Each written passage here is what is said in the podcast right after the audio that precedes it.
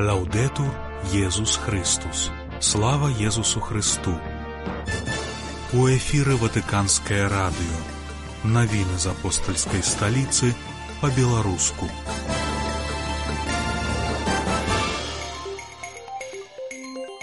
Францішак нагадаў, што любоў не патрабуе шматслоўя а канкрэтных учынкаў. Папа заклікаў маліцца за хворых і людзей, якія пакутуюць ад вайны. У другой частцы нашай праграмы рубрыка Пятра Рудкоўскага. 11 лютага вас вітае Александр Паншанка.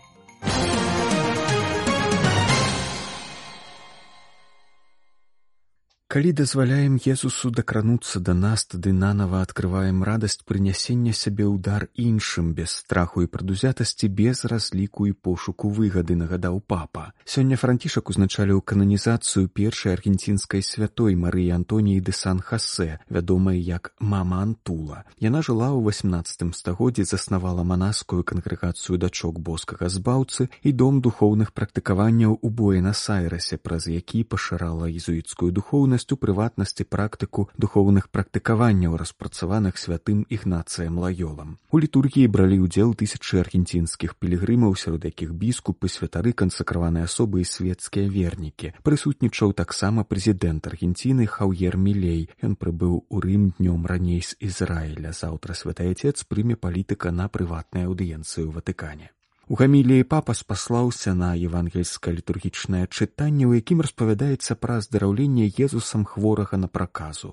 Ён заўважыў, што ў евангельскія часы адносіны да пракажоных былі пазначаны страхам, прадузятасцю і фальшывай рэлігійнасцю, бо лічылася, што дотык да хворага рабіў чалавека нячыстым. Папа нагадаў, што Езус, сустрэўшы пракажонага, наблізіўся і дакрануўся да яго. Францішак заклікаў вернікаў быць пільнымі, калі ў душы ўзнікаюць інстынкты адваротнае набліжэнню і прынясенню сябе ўдар. Напрыклад, калі аддаляемся ад іншых, каб дбаць толькі пра саміх сябе, калі абмяжоўваем свет мурамі нашага дабрабыту, калі лічым, што праблемай заўсёды і выключна з'яўляюцца іншыя. Будзем уважлівыя ў такія моманты, бо дыягназ ясны гэта праказа душы, хвароба, якая робіць нас неадчувальнымі на любоў на спагаду. Яна знішчае нас праз гангрэны эгаізму прадузятага меркавання абыякавасці і нецярпімасці, папярэдзіў святы отец. Пантыфік заўважыў, што дотык Езуса да пракажоных быў не толькі знакам яго блізкасці, але таксама пачаткам аздараўлення хворага, бо дазваляючы Хрысту дакрануцца да нас, мы аздараўляемся ўнутры у сэрцы. Калі дазволім яму дакрануцца да нас падчас малітвы, адарацыі, калі дазволім яму дзейнічаць у нас праз яго слова і сакраменты, яго дотык па-сапраўднаму зменіць нас, аздаровіць ад граху, вызваляць ад закрытасці, пераменіць больш, чым мы можам зрабіць самі ўласнымі намаганнямі. Францішак заўважыў, што дотык Езуса адраджае найлепшае ў нас. Так вяртаецца прыгажосць, якую маем, прыгажосць, якой з'яўляемся.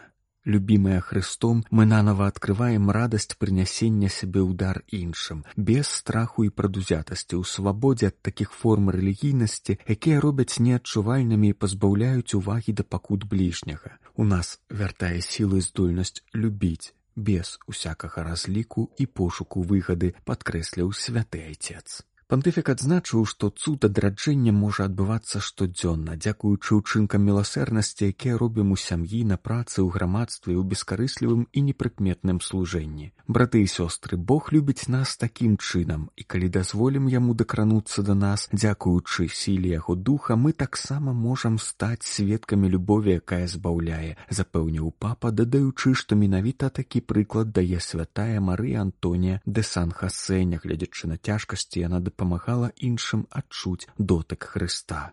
Няхай яе прыклад і заступніцтва дапамогуць нам узрастаць у міласэрнай любові згодна сэрцам Бога завяршыў гамілію святы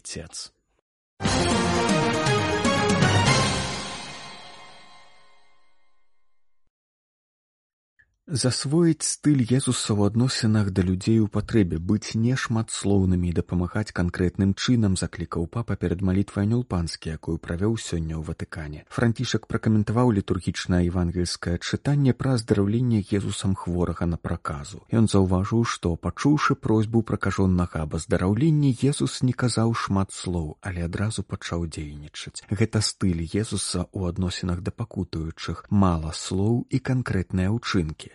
пантыфік заўважыў, што Хрыстус заўсёды дзейнічаў падобным чынам у адносінах да глуханямых, паралізаваных і іншых патрабуючых дапамогі, без прамоў, без шматлікіх пытанняў фальшывай спагады і сентыментальнасці. Ён заўсёды робіць так, кажа няшмат, а за словамі неадкладна ідуць учынкі. Ён схіляецца, бярэ за руку, аздараўляе, сказаў папа. Святы отец заклікаў вернікаў засвоіць такі спосаб любові да людзей у патрэбе, быць не шматслоўнымі, але гатовымі неадкладна дапамагчы. Гэта канкрэтнасць вельмі важная ў нашым свеце, дзе пашыраецца віртуальнасць адносін, зазначыў ён. Любоў патрабуе канкрэтнасці, прысутнасці, сустрэчы падоранага часу і прасторы. Яна не можа зводзіцца да прыгожых слоў да карцінак на экране, да мімалётных селфі ці павярхоўных пасланняў. Гэта карысная прылады, але недастатковая для любові. Яны не могуць замяніць канкрэтную прысутнасць, падкрэсліў францішак.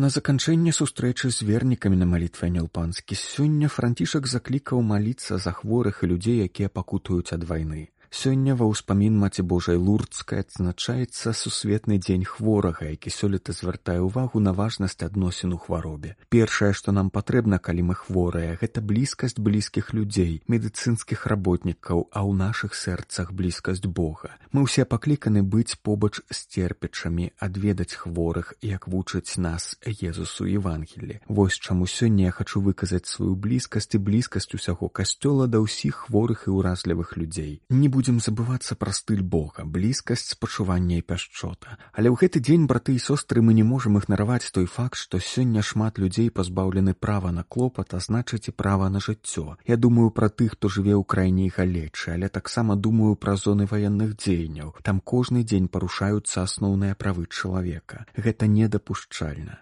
молімся за змучаную ўкраіну за палесціну молімся за м'янму і за ўсе змучаныя вайной народы заахвоціў святы отец. За нашими навінамі вы можете сачыць на інтэрнэт-старонцы ватикан кропка бівай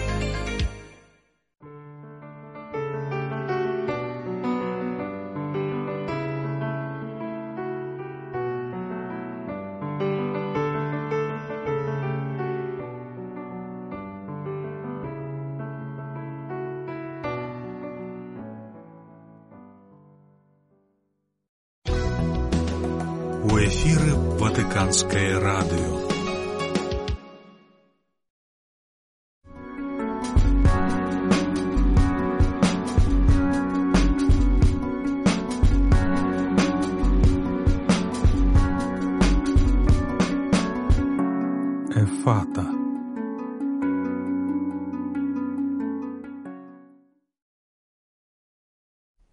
Слава Ісусу Христу. Гады два назад у прыватнай размове адзін паважаны мной чалавек, веруючы католік, пытаўся ў мяне, як быць католіку ў цяперашняй сітуацыі ў Беларусі. Як ставіцца да тых ці іншых дзеянняў або адсутнасці дзеянняў з боку мясцовага касцёла, а таксама з боку святога пасада. У ходзе размовы я падзяліўся сваімі думкамі, падзяліўся таксама ведамі наконт таго, як у іншых краінах у часы выпрабаванняў касцёл рэагаваў на выклікі. Чым можа быць абумоўлена тая ці іншая рэакцыя. Напрыканцы мой суразмоўца запрапанаваў мне гэтыя думкі аформіць у разгорнуты тэкст і апублікаваць, бо, як ён сказаў, гэтыя пытанні напэўна не толькі мяне хвалююць а шмат каго з беларускіх католікаў.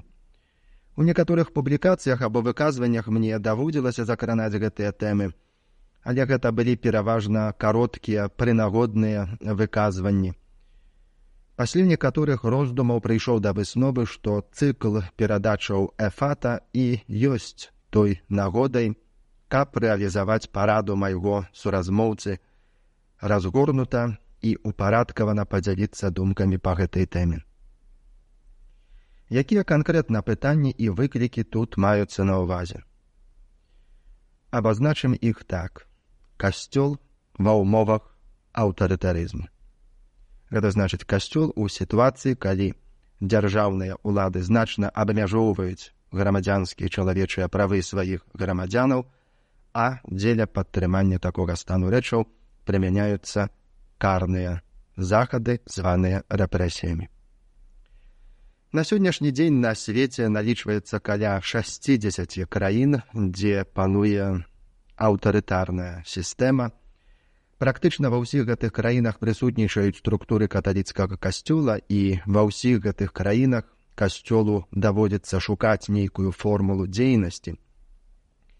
Якія тут магчымы варыянты для касцёла, што абумоўлівае выбар той ці іншай формулы дзейнасці, якія плюсы і мінусы таго ці іншага выбару, вось гэтым пытаннем і будзе прысвечана гэта і некалькі наступных перадач. Пачаць тут варта ад усведамлення базавых прыярытэтаў, якія ёсць у каталіцкага касцёла незалежна ад таго, ці дзейнічае ён у дэмакратычнай ці недэмакратычнай краіне, ці ў краіне прыязнай касцёлу ці непрыязнай, эканамічна развітай ці развіваючайся. Першаснай задачай касцёла ёсць збаўленне душаў, збаўленне душаў з выкарыстання сродкаў даручаных яму Ісусам Христом. Такімі сродкамі з'яўляюцца па-першае служэнне сакрамантаў, па-другое абвяшчэнне добрай навіны аб надыходзе Божага валадарства і па-трэцяе учынкі міласэрнасці. Гэта тое, што ўтварае, скажам так, сарцавіну дзейнасці касцёла. Калі яе забраць, касцёл перастаў бы быць касцёлам. У рамках абвяшчэння добрай навіны можна выдзеліць, аднак, такі аспект касцёльнага служэння як сацыяльная этыка. Гэта тое, што з часоў папы і льва 13 прынята называць каталіцкім сацыяльным навучаннем або сацыяльным навучаннем касцёла. Каталіцкае сацыяльнае навучанне, калі казаць коротка, гэта адказ на пытанне, якім павінна быць грамадска-палітычнае жыццё, калі глянуць да яго праз прызму Евангелля. Адначасова ўсплывае пытанне пра прымяненне гэтага навучання. Што касцёл як інстытуцыя павінен рабіць у напрамку ажыццяўлення свайго ўласнага сацыяльнага навучання. Аднаго адзінага адказу тут няма і ў ходзе далейшых перадач я на канкрэтных прыкладах, то бок на базе досведу розных краін праілюструю разнастайнасць формаў прысутнасці касцёла ў грамадска-палітычным жыцці ў недэмакратычных краінах. Зараз жа лічу дужа істотным звярнуць увагу на ключавыя імператывы, якія вызначаюць пошук спосабу прысутнасці касцёла ў грамадскай сферы. Без усведамлення гэтых імператываў, гэтаксама як без усведамлення базавых прыярытэтаў касцёла, пра якія была гаворка пару хвілінаў таму, якая кольвічы ацэнка паводзінаў касцёла будзе хібнай, пазбаўленай адэкватных крытэрыяў. Што гэта за імператывы? На аснове сацыяльнага навучання касцёла і ягонай практыкі цягам стагоддзяў я б выдзеліў пяць такіх імператываў водле ступені важнасці. Першым і самым важным ёсць культ адзінага Бога і абарона аўтаноміі касцёла. Гэты прынцып, гэты імператыў наўпрост вынікае з першага Божага прыказання, не май іншых багоў апрача мяне. Заўважма, што адзін з першых канфліктаў хрысціянаў з дзяржаўнымі ўладамі ў гісторыі палягаў у тым, што хрысціяне не пагаджаліся на культ іншых багоў, навязваны уладамі старажытнай рымскай імперыі. Ужо тады у першыя стагоддзя хрысціяне раз-пораз траплялі ў разрад кажучы сучаснай мовай палітычнай апазіцыі акурат у сувязі з вернасцю гэтаму прынцыпу культ адзінага бога і абарона аўтаноміі касцёла другі імператыў абарона нявінных безабаронных і выключаных у розныя перыяды гісторыі катэгорыя нявінных і безабаронных магла адрознівацца У прапаведаванні яшчэ прарокаў старога запавету ў гэту катэгорыю ўваходзілі перадусім сіроты і ўдовы, ну а таксама беднякі і імігранты. У двадцатым і двадцать першым стагоддзях пытанне абароны сіротаў і ўдоваў можа быць менш актуальнае, хоць гэта залежыць ад краіны, ну але пытанне імігрантаў і бедных людзей застаецца актуальнай. Дарэчы, для папы францішка гэтая справа стала амаль папскай праграмай. Аднак у наш час важным асаблівым аб'ектам клопату касцёла ў гэтым плане з'яўляецца статус і лёс чалавека на ранніх этапах жыцця, то бок ненароджаныя дзеці. Трэці імператыў абарона інстытуту сям'і. Гэта чарговы даволі трывалы складнік як навучання касцёла так і яго дзейнасці. Прадыктаваны перакананнем што сям'я ёсць натуральным асяроддзем для нараджэння і фармавання чалавечай асобы. Чацвёрты імператыў абарона культурных каштоўнасцяў ангажаванне ў нацыянальна-культурнае адраджэнне тых народаў дзе касцёл вядзе сваю місію І нарэшце пяты імператыў абарона грамадзянскіх і палітычных свабодаў. За накажаванне ў абарону годнасці чалавека перад абліччам магчымых злоўжыванняў з боку дзяржаўных уладаў можна прасачыць на розных этапах гісторыі касцёла, але прыблізна з часоў другога ватыканскага сабора гэты імператыў аформіўся ў сталы складнік навучання і дзейнасці касцёла. І так ёсць пяць імператываў, пяць прынцыпаў, усе яны самі па сабе важныя, але з перспектывы касцёла яны ўсё ж не аднолькавыя. Некаторыя маюць першапланавае значэнне, іншыя друга або трэцяпланавыя. Калі б касцёл быў праваабарончай арганізацыяй, то, напэўна, імператыў абароны грамадзянскіх і палітычных свабодаў быў бы ключавым, быў бы галоўным калі б касцёл быў арганізацыяй па ахове культурнай спадчыны або нацыянальным адраджэнні то імператыў абароны культурных каштоўнасцяў быў бы для яго ключавым. Ну але касцёл не з'яўляецца ані праваабарончай арганізацыяй ані арганізацыяй па ахове культуры. Ужо падціскае час адведзены на нашу перадачу таму падагульню асноўны яе сённяшні пасыл Незалежна ад таго, ці касцёл функцыянуе ва ўмовах дэмакраты ці аўтакраты, базавым яго прыярытэтам ёсць збаўленне душаў з выкарыстаннем сродкаў даручаных яму Христом. Гэты прыярытэт вызначае таксама іерархію прынцыпаў дзейнасці, дзе на першым месцы стаіць культ адзінага Бога і абарона аўтаноміі касцёла.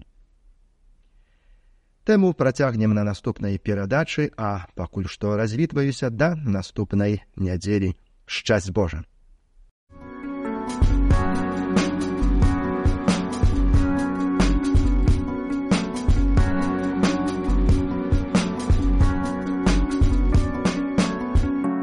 Эфата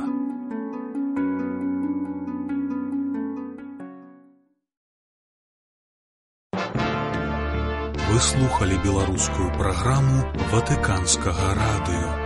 За нашымі навінамі вы можете сачыць на інтэрнэт-старонцы ватикан кропка бівай.